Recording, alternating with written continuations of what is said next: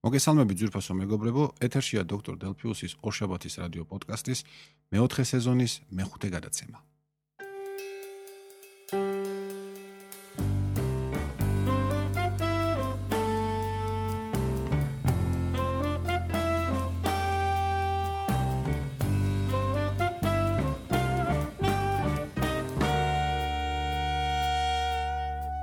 მაშასე მართალია დღეს 4 თებერვალია. აა 4 შაბათი, კი, ნამდვილად 4 შაბათია და აა როგორც ალბათ რასაკურველია ყველანი მიხვდით, მე ორი დღით დავაგვიანე ამ გადაცემის ჩაწერა.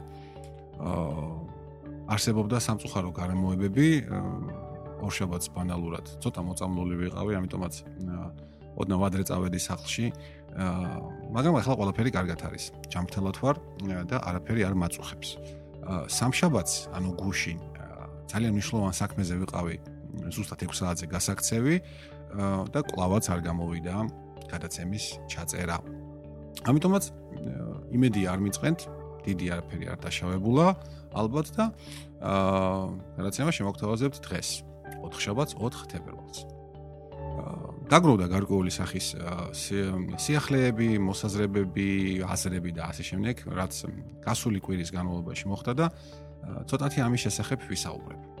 პირველი ის, რომ წინა გადაცემის ჩაწერის შემდგომ შემექმნა გარკვეული სახის პრობლემები აი ამ გადაცემის გამოქვეყნებასთან დაკავშირებით. კერძო ჩემმა საიტმა გააფრინა. დომენი ქართულია, მაგრამ ჰოსტინგი მე უკაცრავად და მაქვს საკმაოდ წარე გამოცდილება ქართულ ჰოსტერებთან ურთიერთობისა. აზეც ახლა დეტალურად არ შევჩერდები. ამიტომაც ერთ-ერთ ამერიკულ საიტზე მაქვს განთავსებული ეს ჩემი დომენიც, კიდევ სხვა პროექტებიც და საიტებიც, მოკლედ ყველაფერი აი ამ ვირტუალურ ჰოსტზე იხარშება. რასაკურველია, მწოდნე ადამიანები მეტყვით რომ ვირტუალურ ჰოსტზე არათუ რამდენიმეს ერთად განთავსება, დაუშვათ ერთი საიტიც კი არ არის მაინც და მაინც. ну, მოკლედ არ არის დიდად მიზანშეწონილი დაუშვათ ვირტუალური ჰოსტინგის აღება, მაგრამ სამწუხაროდ თუ საბედნიეროდ არც ერთ ჩემს საიტზე ჯერჯერობით არ არის ისეთი აქტუობა, რომ ვირტუალური ვირტუალურ ჰოსტინგზე უფრო მეტი გახდეს საჭირო. და დღე დღევანდელ დღემდე ეს ყველაფერი ძალიან კარგად მუშაობდა. მაგრამ აი ორშაბათს რატომღაც ჰოსტგატორს აქ პრინციპში დასამალი არაფერი არ არის. მე მათი არაფერი მართებს და იმათ კიდევ ჩემი. ჰოსტგატორმა რაღაც გაუბერა. საიტი იხსნებოდა კატასტროფულად ნელა. ან თუ იხსნებოდა PHP კოდის შესრულებისას გამოდიოდა WordPress-ში რაღაც შეცდომები. FTP-ი ფაილის ატვირთვის დროს ეს MP3 ფაილის აუდიო ფაილის ატვირთვის დროს რომელიც სადღაც 30-35 მეგაბაიტია დამიწერა რამდენიმე საათი, ну რაც შეუძლებელია. მე გავთიშე ხელა ხა დავიწყე ატვირთვა და ну რაღაც ერთ წუთში, ну FTP-მ აღირგინა თავ. აი საიტზე შესვლა კატასტროფულად ჭირდა და ძლივს ძლივობით მოახერხე ოშაბათის გადაცემის აა საბოლოო სახეზე მიყვანა და გამოქვეყნება. ეგ არაფერი. ძალიან დიდი ხანია მე ისედაც ვაპირებდი შემეცვალა ეს ჰოსტინგ პროვაიდერი. მართლაც გასული წლის ზაფხულიდან ასე ვთქვათ, დატესტილი მაქვს და დევის კიდე აქტიურ გამოყენებაში აქვს ისეთი საინტერესო სერვისი, რასაც ქვია Digital Ocean-ი. ეს არის თუ არ ვცდები ამერიკული კომპანია, რომელსაც სოფლიოს რამოდენიმე ქვეყანაში და რამოდენიმე კონტინენტზე აქვს თავისი სერვერები განთავსებული. არის ეს, რა თქმა უნდა, ამერიკის კონტინენტი, ანუ შეერთებული შტატები, ევროპაში აქვს დიდ ბრიტანეთში და ჰოლანდიაში და თუ არ ვცდები, აღმოსავლეთშიც, აზიაშიც, სინგაპურში თუ არ ვცდები, განათავსა ახალი დამატებული აქვს სერვერები. ჩვენთვის ევროპა მისაღები, ვინაიდან პინგი უფრო მოკლე იქნება, აა სიჩქარე უფრო მეტი იქნება. კერძოდ მე ჰოლანდია საკმაოდ დამაკმაყოფილებელი. მე ჩვენა საკმაოდ ნორმალურად მუშაობდა საიტი ეს შარშანდელი მდგომარეობით. აა თვეში ჯდება 5 დოლარი. მინდა გითხრათ, რომ საკმაოდ კარგ სერვერს გაძლევენ და რაც არანაკლებ მნიშვნელოვანია. SSD დისკებზე არის აწყობილი ყველა ეს სერვერი, რაც დამატებით პლუსად შეგვიძლია ჩავთვალოთ. აა 5 დოლარი თითქოს არაფერი ისეთი თანხა არ არის და პლუს ამისა წელს იანვარში მე დამერიცხა, ასე ვთქვათ, ბონუსის სახით 25 დოლარი.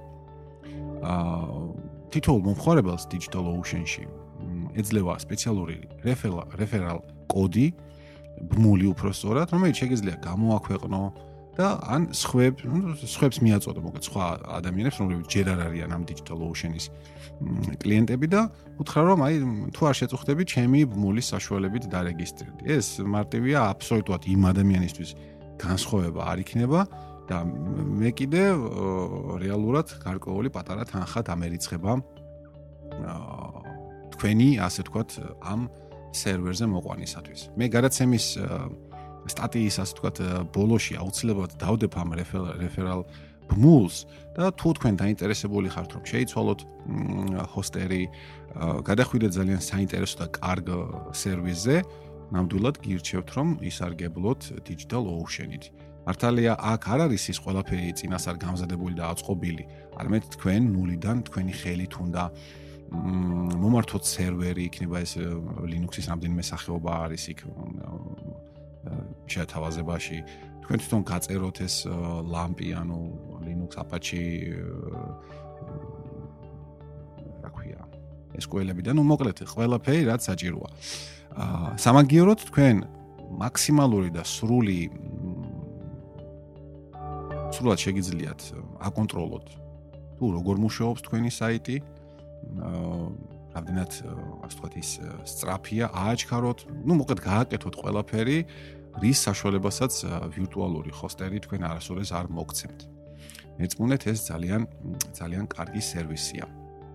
აა და გადადით, გადადით აუცილებლად. ეს მოკლედ აი ამ პირველი საკითხის გარშემო. მეორე, მოკლედ გასული კვირა საკმაოდ ესე ძიმედ დაიწყო ეს ნუ ეს ორშაბათი დღე JS1-ის საიტთან იყო პრობლემები და მეორე ალბათ ყველა თქვენგან არ იცის რომ მე საკმაოდ მიყვარს ვებძრავი WordPress-ი, რომელზეც ყველა ჩემი საიტია აწყობილი და ძალიან კმაყოფილი ვარ, ძალიან კარგად მუშაობს ყველაფერი. და ამასთან ერთად, ნუ მე საკმაოდ დიდი ხანია მოღვაწეობ, ესე შეიძლება ითქვას, ლოკალიზაციის, ანუ გაქართულების სფეროში. რამოდენიმე მსხვილ და სერიოზულ და კომერციულ პროექტზე მიმუშავია, მათ შორის Microsoft Windows-ის და Microsoft Office-ის გაქართულებაზეც. აა ხო და რამდენიმე წელია მე გახლავართ საქართველოში ну ასე ვთქვათ ოფიციალური მაგრამ ჭყალებში ჩავსვათ ეს სიტყვა. ოფიციალური პირი რომელიც აკონტროლებს WordPress-ის გაქართულების პროცესს. ჩემ და სამწუხაროდ აა ბოლო ხანებში კატასტროფულ დროის კატასტროფულად არ ქონის გამო მე ცოტათი შევეშვი ამ საქმეს და რამდენიმე ვერსია WordPress-ისა გამოვიდა ქართული ენის ხარდაჭერის გარეშე. რაც რა თქმა უნდა ძალიან ცუდია და ამას რა თქმა უნდა გეთანხმებით ამ საკითხში. აა ორშაბათს ჩვენ გვაქვს იქ სპეციალური ამ WordPress-ის თქვა შემქმნელებს აქვთ სპეციალური საიტი, სადაც ესეთი შიდა სამზარეულო განიხილება, იქ არის დეველოპერებისთვის ცალკე სექცია, თქვა პლაგინების დამწერებისთვის, თემების დამწერებისთვის და ასევე ლოკალიზატორებისთვისაც ცალკე სექცია, სადაც სხვადასხვა ენის მატარებელი ადამიანები შემოდიან, რეგისტრირდებიან და თუ თქვათ მათი ენა ჯერ კიდევ არ არის ჩამატებული WordPress-ში, თქვათ ითხოვენ რომ დაიმატოს, თქვათ რომ გახდნენ ისინი კონტრიბუტორები აი ამ პროცესისა და ასე შემდეგ. ხოლო ისენები რომელიც უკვე არის, იქ რაღაც სამუშაო ჯაბაასი მიმდინარეობს. აა შემოვიდა ვიღაც ქართველი, სავარაუდოდ ალბათ ქართველი ადამიანი, მაგრამ სახელი და გვარი არ ეწერა რაღაც გაურკვეველი ნიკით და დაწერა რომ აი ესეთ ესეთი ადამიანიო რომელიც ნუ ჩემზე თქვა რომელიც კონტრიბუტორად არის რეგისტრირებულიო არ აქცევს ყურადღებას და თუ შეიძლება რომ მე დამარეგისტრიროთ მის ნაცვლად. აა რაზეც ერთ-ერთმა მოდერატორმა რომელიც ამ ლოკალიზაციის საკითხს აკონტროლებს მიუგო რომ იცით როგორც მინიმუმ ჯერ პირველ რიგში ალბათ იმ ადამიანს ვკითხოთ, იქნებ მას მართლა აღარ უნდა ამ საქმის კეთება. არადა ეს ასე არ არის, ნამდვილად ეს ჩემთვის ძალიან სასიამოვნო პროცესია, აა ლოკალიზაცია ზოგადად და მათ შორის WordPress-ისაც. აა რაზეც მე რა თქმა უნდა დაუყოვნებლივ უპასუხე, პირველ რიგში მოიბოდიშე რომ აა უკაცრავად გარკვეული მიზეზების გამო ვერ მოახერხე ბოლო პერიოდში ამ თემაზე მუშაობა და მეთქი აუცილებლად დაუბრუნდები და თქვენ მეთქი თუ სურვილი გექნებათ, გთხოვთ და მე კონტაქტოთ. ამა და მელფოსტის მისამართზე დავწერე იქვე ჩემი მისამართი და მე მაქსიმალურად შევეცდები დაგეხმაროთ მეთქი. რაზეც ეს ადამიანი ცოტათი აღშფოთდა და ასე ვთქვათ კატეგორიულად მოითხოვა რომ ის სასწრაფოდ დაემატებინათ აა კონტრიბუტორთა სიაში, თუ როგორც გინდათ ისე დავარქვათ. აა მოდერატორმა ძალიან შვიდ აა კარგ კარგი ენით ტონით ასე თქვა აუხსნა რომ ეს მაინც და მაინც კარგი ლამაზი საქციელი არ არის და მოდით დავიცვათ აქ არსებული წესები, დავიცვათ ურთიერთ მეგობრული ტონი ერთმანეთთან და ასე შემდეგ. მე იმ წუთში გამოვეხმაურე და ნუ რასაკვირია ხა მესმის რომ ადამიანი ძალიან მოწადინებულია რომ ეს საქმე დაიძროს დაიძროს კვტარი წერტილიდან და ქართულმა მომხარებლებმა მიიღონ პროდუქტი ქართულ ენაზე, რაშიც აბსოლუტურად ვეთანხმები. და იმ თუჩი მოდერატორ შევთავაზე რომ მეთქი, მოდით მე რაც რასაკვირველია, ჯერ ესეთი რა უფლება მაქვს ვინმეს აუგრძალო ესეთი სამუშაო და მე პირიქით ძალიან ძალიან გამიხარდება თუ ვინმე კიდევ გამოთქვამს სურვილს და მომეხმარება ამ სამუშაოს შესრულებაში.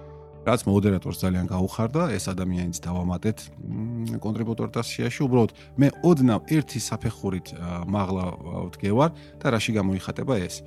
ორთავ ჩვენ ორთავეს ერთი და იგივე პრივილეგიები გაგვაჩნია დაუშვათ თარგმანის შესრულებაში. ანუ აქამდე მას შეეძლო რაიმე თარგმანი შეესრულებინა, მაგრამ ჩემი მხრიდან საჭირო იყო ეგრეთ წოდებული ეფრუვი, ანუ დადასტურება. ამ ეტაპზე ეს უკვე საჭირო აღარ არის. მას შეუძლია ჩემგან დამოუკიდებლად თარგმნოს რამდენიც გაუხარდება სტრიქონები და ეფრუვიც თვითონვე გაუკეთოს. უბრალოდ მის ნათარგმს უკვე აღარ დასჭირდება ეს ეფრუვი. სამაგიეროდ, როდესაც გარკვეული ვერსიის გაქართულება 100%-ზე ავა, საბოლოო ბილდი ეგრეთ წოდებული, ანუ პაკეტი, შეკრული პაკეტი WordPress-ისა, რომელშიც უკვე ეს ქართული ენა ჩადებულია, მისი შექმნა და გამოქვეყნება ჩემი პრივილეგია თუ პრეროგატივა, თუ როგორც გინდათ ისე ვთქვათ. აი ეს ფუნქცია მე კლავაც ჩემს განკარგულებაშია. არავითარ შემთხვევაში არ მინდა ჩათვალოთ, რომ მე ამით ან ვამაყობ, ან ასე ვთქვათ შეიძლება ესე ვთქვათ, ვქედმა ვქედმაღლობ და ასე შემდეგ. არა, პირიქით ეს არის ძალიან საკმაოდ დიდი პასუხისგებლობა და მე შევეცდები რომ აუცილებლად მთელი ის ჩამორჩენა რაც მქონდა გასული წლის განმავლობაში აა ავანაზღაურო და ვიმუშაო ამ მიმართულებით ძალიან სერიოზულად. ასე რომ ეს პატარა კონფლიქტს კონფლიქტსაც ვერ დავარქმევდი ალბათ ცირეოდენი გაუგებრობა ასევე შვიდობიანად დასრულდა და ამოიწურა და მე და ეს ადამიანი ახლა აუცილებლად გვერდი გვერდ განვაგრძობთ WordPress-ის გაქართულებაზე მუშაობას. თუმცა მე მისი არც სახელი ვიცი, არც გვარი ვიცი, ვინ არის რას წარმოადგენს მის შესახებ არანაირი ინფორმაცია არ მაქვს. ალბათ პრინციპში დიდათ მაინც და მაინც არც არის ასეთი ინფორმაციის ცოდნა საჭირო. ამ ეტაპზე მაინც ყოველ შემთხვევაში. ეს მეორე საკითხი, რაც მე დღეს მინდოდა თქვენთვის მეთქვა. მესამე არის ძალიან მნიშვნელოვანი საკითხი, რადგან არ ვიცი რამდენად გამომივა დიდხან საუბარი, შეიძლება სულაც ორ სიტყვაში მოვრჩი. აა მოკლედ შაბათ დღეს 31 იანვარს თქვენს მონამორჩილს შეუსრულდა 40 წელი. მაშ აი ესეთი ხანგრძლივი აა ხუმრობით რა თქმა უნდა ბჭყალებში ხანგრძლივი სასიცოცხლო გზა განვლე. თუმცა თუ გადავხედავთ აა თქვა 200, 300 ან 500 წლის წინათ ამდენი იყო მამაკაცის საშუალო სიცოცხლის ხანგრძლივობა. შემიძლია ვთქვა რომ თქვა იმ სტანდარტების მიხედვით მე უკვე ესეთი ხნიერი ადამიანი ვარ. მაგრამ მადლობა ღმერთს 21 საუკუნის სტანდარტებით მე ვარ ახალგაზრდა და რაც ყველაზე მნიშვნელოვანია აა რასაკვირველია ხა წლების მატება არავის არ სიამოვნებს, ყოველას უნდა რომ ყოველთვის ფიზი როგორც შინაგანად რჩებოდეს ახალგაზრდა, ასევე ბიოლოგიურადაც იყოს ახალგაზრდა. ნუ ჯერჯერობით ეს ტექნიკურად შეუძლებელია.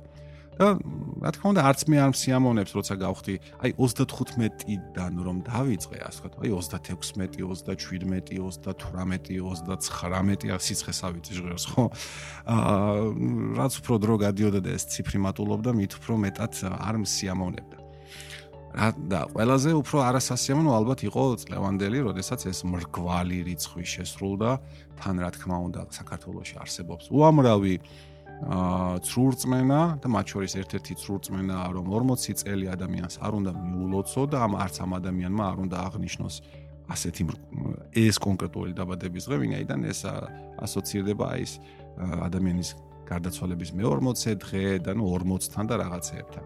აა მე კი სამწუხაროდ მახასიათებს რაღაც რაღაც სახის მცირეოდენის ცრურწმენები, მაგრამ ამ თვალსაზრისით ნამდვილად თავისუფალი ვარ.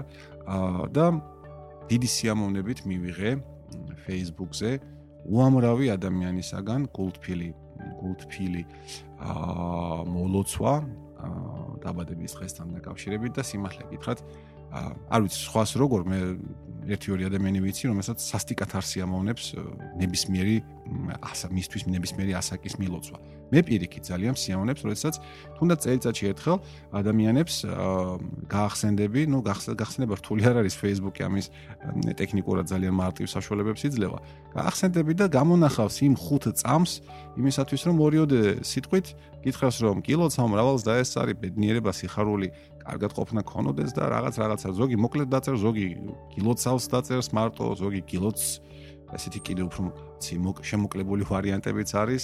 ზოგი სმაილიქს დაგისვამს, ანუ სიცილაკს არ აქვს ამას მნიშვნელობა. ნებისმიერი ფორმა ჩემთვის პირადად ძალიან სასიამოვნოა.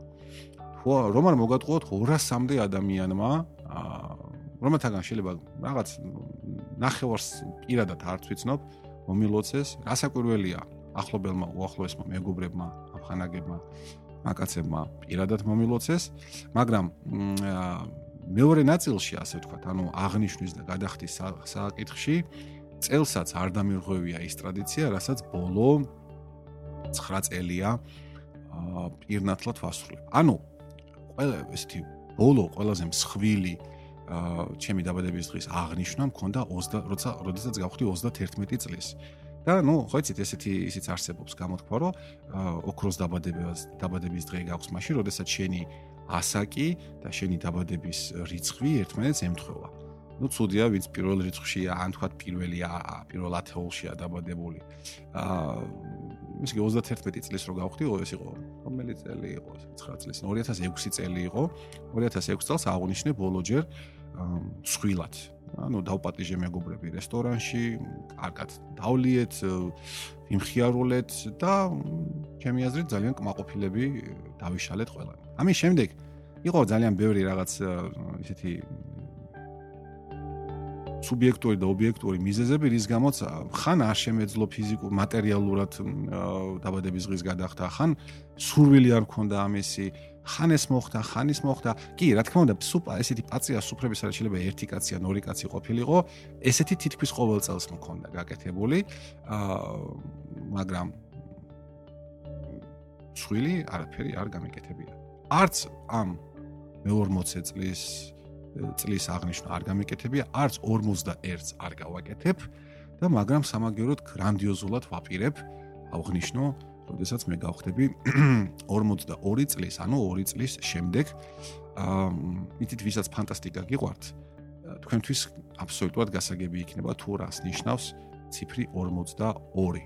ამიტომაც ამაზე დიდხანს არ შევყვამდები. აი ვინც არიცით რას ნიშნავს 42, უბრალოდ Google-ში შედით, აკრიფეთ ციფრი 42 და მერწმუნეთ იქ ის გამოგიყრით ძალიან ბევრ საინტერესო ინფორმაციას მასთან დაკავშირებით. ასე რომ 2015-ია ხომ ეხლა 17 წელს 2017 წელს აა ველოდება გრანდიოზული დაბადების დღე დელფის ანუ ჩემი გრანდიოზული დაბადების დღე იქნება აა რაც შეეხება აი ამ მე-40-ს და აი ამ გასულ შაბათს აა ორ მეგობართან ერთად უბრალოდ თვითონვე დამირეკეს, მითხეს რომ რას აკეთებო, მე ვთხარი, არაფერსაც არ ვაკეთებ, ჩემთვის ისე უსაქმოდ ვარ მეთქი, მაშინ მოდიო, სადმე გავიდეთ და სულ ცოტათი აღნიშნოთო შენი დაბადების დღეო. მეთქი დიდი სიამოვნებით გამომიარეს, ჩავსხედით მანქანაში და უცებ თავი ამოვყავით კუსტბაზე. აა, სიმართლე გითხრათ, ძალიან დიდი ხანი არ ყოფილვარ. დავსხედით რაღაც ცოტა დავლიეთ, რაღაც კუსტბა ნახევრად გაყინული იყო. ამაზეც ვიღადავეთ, რაღაც სურათები გადავიღეთ და მე ჩამოვედით ერთ-ერთ მათგანთან სახლში, იქაც კარგი ხალხს ვიყავით. მოკლედ, პირადად ჩემთვის ეს მე-40 ზამთარი ზამთრის დაბადების დღე საკმაოდ ნორმალურ პირობებში ჩატარდა, ნორმალურად ვისიამოვნე, მე კმაყოფილი ვარ. მე მე პირადად კმაყოფილი გახლავ. ასე რომ დავამთავროთ ამ დაბადების დღის თემასთან დაკავშირებით საუბარი და ბოლოს წინა თემაზე გადავიდეთ. 1 თებერვალს საქართველოსი ოფიციალურად გაეშვა მეოთხე თაობის მობილური ქსელები, ეგრეთ წოდებული 4G, კიდე ეგრეთ წოდებული LTE. სამი ოპერატორია საქართველოში მოგეხსენებათ, Maxti, Beeline და Geocell. აა ბილაინმა ცოტათი იჩქარა და თქვა პირველი თებერვლის ნაცვლად თუ არსები 30 იანვარს თუ 31 იანვარს ჩართო ეს მეოთხე თაობის ქსელი. აა არ ვიცი ახლა ამაზე მას რაიმე სანქციები ეკუთვნის თუ არ ეკუთვნის ეს პირადად მე ნაკლებად მაღალვებს კომუნიკაციების ეროვნულმა კომისიამ მიხედოს მაგ საქმეს. აა მაგთიმ სადაც მე 15 წელია ასე ვთქვათ განუყრელად მასთან ერთად ვარ. მე ზოგადად מחასიათებს კორპორატული ბრენდის ერთგულება. მე მგონი ამას მიხვდით, ვინაიდან აი ბოლო 8 წელია ვარ ეფლისტი და ამ ამ ამ თვალსაზრისით არანაირად არსად წასვლას არ ვაპირებ. ამიტომაც, ნუ ანუ מחასიათებს გარკვეული სახის ამოჩემებები სხვადასხვა საკითხში. ერთ-ერთი მათგანი ასევე ეს მობილური ოპერატორის საკითხიცაა და მე პირადად ჩემთვის და რასაკვირველი ამ აზრს არავის არ ვხვევ თავს, თვლი რომ მაგთი არის ერთ-ერთი ყველაზე კარგი მობილური ოპერატორი. მე ის პირადად სრულიად მაკმაყოფილებს, როგორც ტექნიკური თვალსაზრისით, ასევე სატარიფო თვალსაზრისითაც. მართლაც მაგთიმაც პირველ თებერვალს ჩართო ეს სერვისი, ჩემი ტელეფონი და ჩემი პლანშეტი ორივე არის Apple-ის პროდუქტი. ორივე არის ახალი პროდუქტები და მე არანაირი პრობლემა არ წარმოვქნია მათში ამ LTE LTE რეჟიმის ჩართვასთან დაკავშირებით. ორიოდე სიტყვით რომ გითხრათ ჩემი შტაბეშილებები ახლა ძალიან ბევრსაც ვერ ვისაუბრებთ მასზე. გეტყვით რომ ძალიან კმაყოფილი ვარ.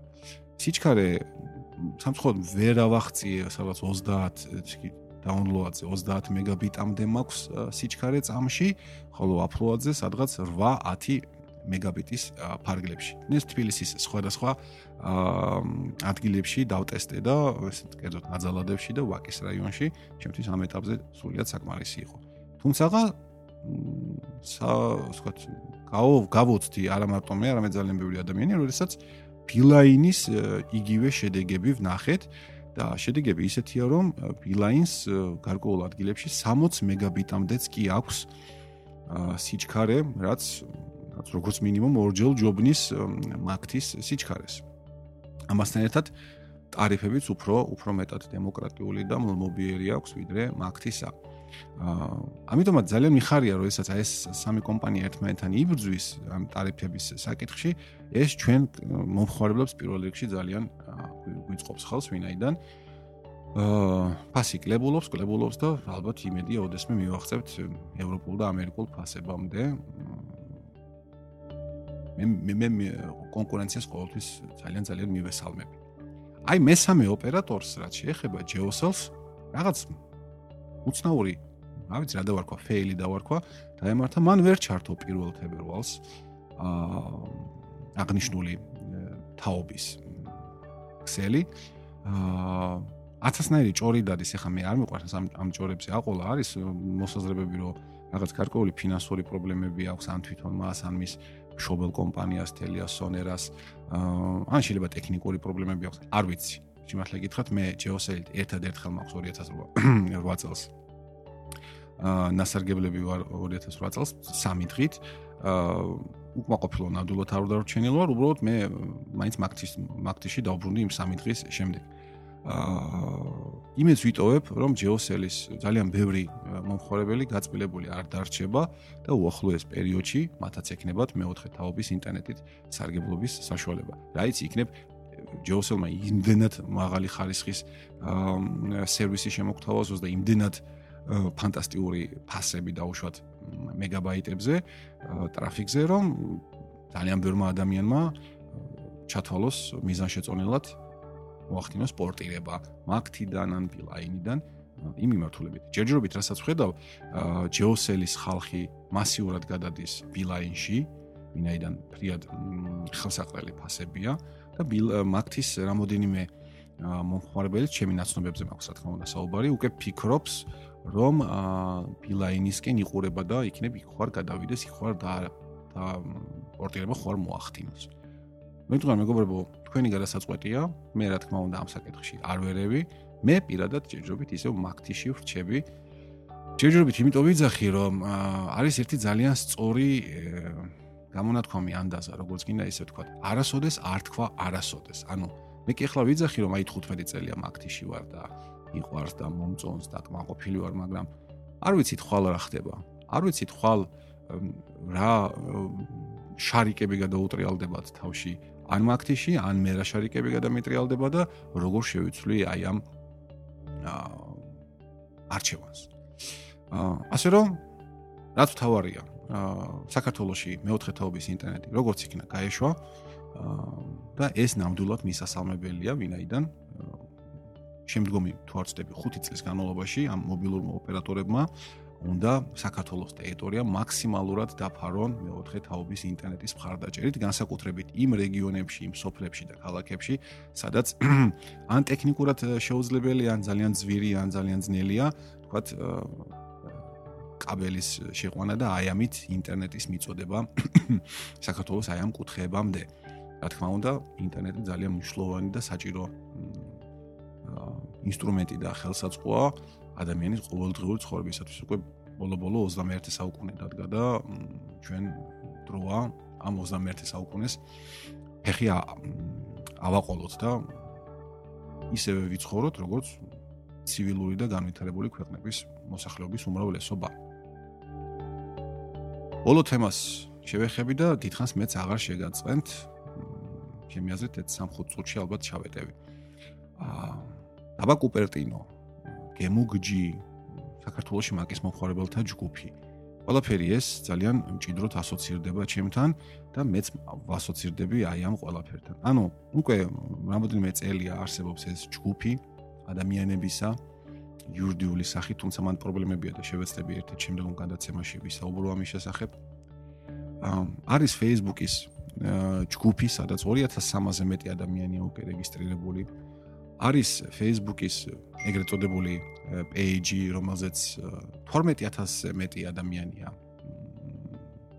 თუმცა 12000 ადამიანზე მეც აქვს მოწონებული ეს გვერდი. და რაც ყველაზე მნიშვნელოვანია, არსებობს web გვერდი gemug.g რომელიც იდეაში უნდა იყოს კონცენტრაცია ყველა იმ ინფორმაციისა, რომელიც Apple-ის გარშემო არსებობს. ეს იქნება სიახლეები, მიმოხილვები, ანალიტიკური სტატიები, სახელმძღვანელოები, ვიდეოები და ასე შემდეგ და ასე შემდეგ. აა, სამწუხაროდ მე კლავ ვრჩები იმ ერთადერთ გუშაგად ჯარისკაცად და გენერალად, რომელიც რომელსაც მარტო მიყავს აა, როგორც Facebook-ის page-ი, ასევე ეს საიტიც. ჯგუფში კიდე ორი მოდერატორია და მადლობა გმერც ისინი ძალიან ძალიან კარგად უძღვებიან თავიანთ საქმეს და მაგხრი ყველაფერი წესრიგშია. აი სამწუხაროდ კონტენტთან დაკავშირებით და თქვა ვებსაიტთან დაკავშირებით გვაქვს ძალიან სერიოზული ჩავარდნა ავტორების თვალსაზრისით. ავტორები გვაკლია კატასტროფულად. მეცაც გეტყვით, ისინი ჩვენ უბრალოდ არ აყვავს. ანუ არ მარტო მე. მე კიდე ვიჭრები 99 ნაწილად და სამწუხაროდ დღეღამეში მხოლოდ 24 საათია იმისათვის რომ ვიმუშაოთ და ჯერ ესეთი ძირითადი სამსახურის ანაზღაურებადი სამსახურის სამუშაო შევასრულოთ და მე უკვე თავისუფალ დროს ვთქვათ დილას სამსახურამდე ან საღამოს სამსახურის შემდეგ გამოვყოთ გარკვეული დრო ჩვენი პირადი სივრციდან აი ამ პროექტების განსახორციელებლად. რო კიდევ კატასტროფულად ძალიან ცოტაა, რას ვიზამთ. ხო და ძალიან გამიგზელდა სიტყვა. ამ საიტის გემოგჯის ასე ვთქვათ, აწყობის და ამუშავების მეორე მცდელობაა ეხლა უბრალოდ, ეხლა მესამე მცდელობაზე წავედით. პირველი იყო სადღაც 2010 წელს, როდესაც ძალიან ბევრი გაჯანჯლების და ასე ვთქვათ, დროის გაყვანის შემდეგ როგორც იქნა მე ის ავაწყე, მაშინ ავაწყე სხვა ძრავზე, დრუპალზე და სიმართლე გითხრათ, სანანებლათაც გამიხდა ვინაიდან საკმაოდ რთულიც არის დრუპალი, თქვათ WordPress-ისგან განსხვავებით. სამართავათაც შემდგომში უკვე კონტენტის სამართავათაც საკმაოდ რთულია. ნუ ყოველ შემთხვევაში მე-6 ვერსია ვერსიაზე მქონდა მე ეს გაკეთებული, არ ვიცი ხლა მე-8 გამოვიდა თუ არ ვცდები და შეიძლება იქ უფრო კარგი სიტუაცია იყოს. აა მოკლედ ამ პირველმა ვერსია, საიტის პირველმა ვერსიამ სადღაც 1 წელი გაასწოლო, თუ 2 წელი და მე ის მიიცვალა ამასთან მოკლედ თლიანად ჩამოიშალა და მე გადავწყვიტე ის დროებით დამეხურა. ანუ მთელი ის კონტენტი ყველაფერი რა თქმა უნდა შევინახე, მაგრამ ნუ საიტზე კარგა ხნის განმავლობაში იყო დატოვებული სპეციალური წარწერა, რომ საიტი დროებით გათიშულია, უკაცრავად დაუბრუნდებით მოგვიანებით. ეს მეორედ დაბრუნება მოხდა 2013 წლის ნოემბრის დასაწყისში, სადღაც 6 ნოემბერი იყო, აი ესე სპონტანურად. WordPress-ის უმარტივესი საიტი ყოველგვარი ზედმეტობების გარეშე დავაყენე. დავაყენე ნაგულისხმების თემა დეფაულტი რო ქვია ეგრეთ წოდებული. ასევე რომელზეც არაფერი არაფერი არ იყო საერთოდ თეთრი გვერდი მინიმალური გაფორმებით. და დავიწყე წერა. თელი წლის განმავლობაში 365 სტატია დაიდო Apple-ის ისტორიიდან. ანუ რა ხდებოდა ამ დღეს Apple-თან დაკავშირებით და თქვათ ეს იყო 6 ნოემბერი, 7, 8, მერე დეკემბერი, იანვარი და მოკეთ ასე შემდეგ. და რა თქმა უნდა 2014 წლის 5 ნოემბერს დავასრულეთ 365 სტატიით. მაგრამ რასაკურველია, მომხრეებს მოსწონდათ და დღემდე მოსწონთ ამ სტატიების გადაკითხვა. მართლა საინტერესოა თქვა, აი დღეს არის 4 თებერვალი, შეგიძლიათ შეხვიდეთ ამ საიტზე, ნახოთ 4 თებერვლის კონკრეტული სტატია და გაიგოთ რა ხდებოდა Apple-თან დაკავშირებით ამ დღეს. მაგრამ ეს არ არის საკმარისი. მარტო წარსულში ჩარჩენა არეგების. აა შეიძლება და გვარად წერდი პატარ-პატარა სიახლეებს, ამაში ერთი ადამიანი მეხმარებოდა მაშინ, მე მას სამწუხაროდ თუ საბედნიეროდ კარგი სამსახური გამოუშვა და უფრო მეტი დატვირთვა და იძულებული გახდა შეშვებოდა ამ ამბავს, მაგრამ თემო თუ თუ კიდე გექნება შესაძლებლობა ძალიან ძალიან გამიხარდება. თუ შეძლებ თუნდაც კვირაში 1-2 სტატიის თარგმნას გამოქვეყნებას დაწერას ის იქნება სუპერი. აა და რაღაცნაირად ნელ-ნელა მოვიყვანეთ აი დღევანდელ დღემდე. სიმართლე გითხრათ, მე ერთი ძალიან ცუდი თვისება מחასიათებს. ამ ცუდ თვისებას ქვია პერფექციონიზმი. ანუ მე ან არ მომწონს რაიმე. ან ის რაიმე იმდენად სრულყოფილი უნდა იყოს, რომ უყოყმანოთ მომეწონოს.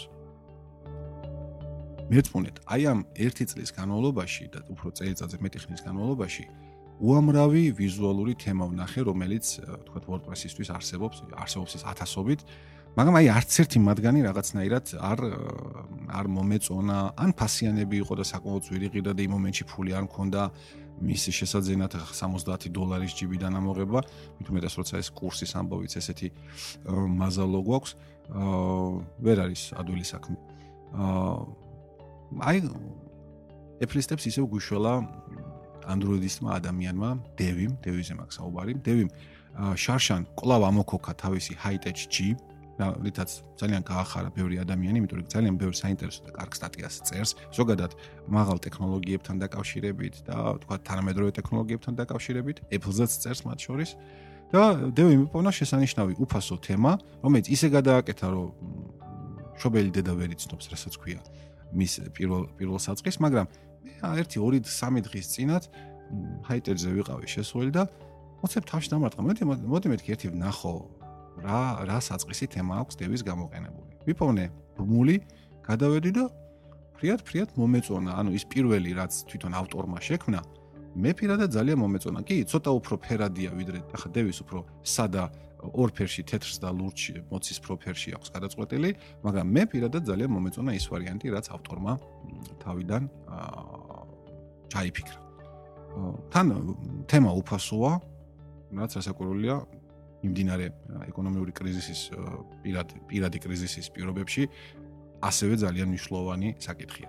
წინდა წინდა წინვე მინდა განვაცხადო, რომ აბსოლუტურად არ მომწონს აზრი, შეიძლება ხსოვ მომითხრას, რომ კაცო შეგიძლია შეხვიდე ტორენტებზე, რაც დამიკეთებია კიდეც და ნახო ფასიანი თემა გატეხილი, ანუ აბსოლუტ მოპარული, მოდი ყველაფერს თავის სახელი დავარქვათ, გადმოწერო და ისარგებლო. ორი მიზეზის გამო ამას არ ვიზამ. პირველი უსაფრთხოება. მე არანაირი გარანტია არ მაქვს, რომ ის ვინც ეს თემა მოიპარა და ტორენტებზე განათავსა, იმ PHP კოდში რაიმე ცუდი არ ჩადო, რამაც შესაძლოა მე გამოიწვიოს ჩემს სერვერზე, ჩემს საიტზე გარკვეული პრობლემები. ეს რა თქმა უნდა ძალიან მნიშვნელოვანია. და მეორე, ასევე არანაკლებ მნიშვნელოვანი ფაქტი არის ის, რომ მე აბსოლუტურად არ მივესალმები პირატული პროდუქციის გამოყენებას და ყოველთვის ვცდილობ მაქსიმალურად ვცდილობ აა ვისარგებლო ლიცენზირებული პროგრამული უზრუნველყოფით. ну Apple-ის შემთხვევაში ახლა საოპერაციო სისტემა ლიცენზირებული მაქვს, იქ საოფისე პაკეტები ლიცენზირებულია, ძალიან ბევრი პროგრამა მაქვს ნაყიდი, ამ ხრივ შვიდათა ვარ. კინოებს დაუშვათ ვუყურებ ერთ-ორ ქართულ საიტზე და ну თუ ამ საიტებს ჩვენი მაკონტროლებელი ორგანოები არანაირ ყურადღებას არ აქცევენ, მაშინ მე ვინ მეკითხება, არც Paramount Pictures-ი ვარ და არც Columbia და არც Sony და ასე შემდეგ, რომ მე რაიმე პრეტენზია წაუყენო, თუმცა გავთვლი, რომ მაინც ეს ასეთი ფილმების ჩვენება არ არის სწორი. მუსიკასაც რაც შეეხება, მუსიკაც ჯერჯერობით მე იმ დონის ევროპელი არა ვარ, ან ამერიკელი, რომ მუსიკაში ფულის გადახდა მოახერხო. თან სიმართლე გითხრათ ძალიან დიდი მელომანიც არა ვარ ასე რომ ძალიან ბევრი ნუ მუსიკას მე უსმენ სტრიმინგის საშუალებით რაც რაც სრულიად ლეგალურია და მე არანაირად არ მავალდებულებს რაიმე ფულის გადახდას. მოკლედ ახლა ცოტა გამიგძელდა კოპირაიტზე საუბარი მაგრამ ეს თემა დავაყენე და აი ბოლო აა სამი დღეა ამ თემის მორჯულებით და ჩემი ასე ვთქვათ ამ საიტის შინაარსიდან გამომდინარე მოწყობით ვარ დაკავებული საკმაოდ კარგად მიდის საქმე. ჯერჯერობით საიტზე თუ თქვენ შეხვალთ გემოგჯიზე, დახვდებათ ბანერი, რომელიც გამცნობთ, რომ აქ ტექნიკური სამუშაოები მიმდინარეობს და მალე დაუბრუნდებითო, მაგრამ ვინც რეგისტრირებულია, იმას შეუძლია შევიდეს თავისი username და password-ი და დაინახოს თუ როგორი სახე გააჩნია აღნიშნულ საიტს. გუშინ საღამოს პატარა სკრინშოტი გადაუღე შუალედურ ვერსიას და გემოგის ჯგუფში დავდე. სადაც რამოდენიმე ადამიანმა მოასრო და ლაიქება და მოწონება, მაგრამ ერთი ძალიან უცნაური ადამიანი გამოხტა ბუჩქებიდან და საკმაოდ აგრებულად და საკმაოდ ისე სუდად და აუგად მოიხსენია ჩვენი შრომა, რაზეც მე ცოტათი ნერვები მომეშალა სიმართლე გითხრათ. აა და მე გადაწყვეტე მაინც საბოლოო ჯამში ის პოსტი წამეშალა, მაგრამ მინდა გითხრა ჩემო პატრიციამულო ბჭყალებში მეგობარო რომ ძალიან ყურადღებით გაკვირდები და კიდევ ერთი ორი გადაცდომის შემდეგ სამუდამო ბანს მიიღებ აა ჩვენს ჯგუფში. როგორც გინდათ ისე ჩათვალეთ თუნდაც წოვრილ მათ შურისძიებად მაგრამ უზრდელ ადამიანებს ნამდვილად ვერ ვიტან და ვერც ვერასოდეს ვიტანდი.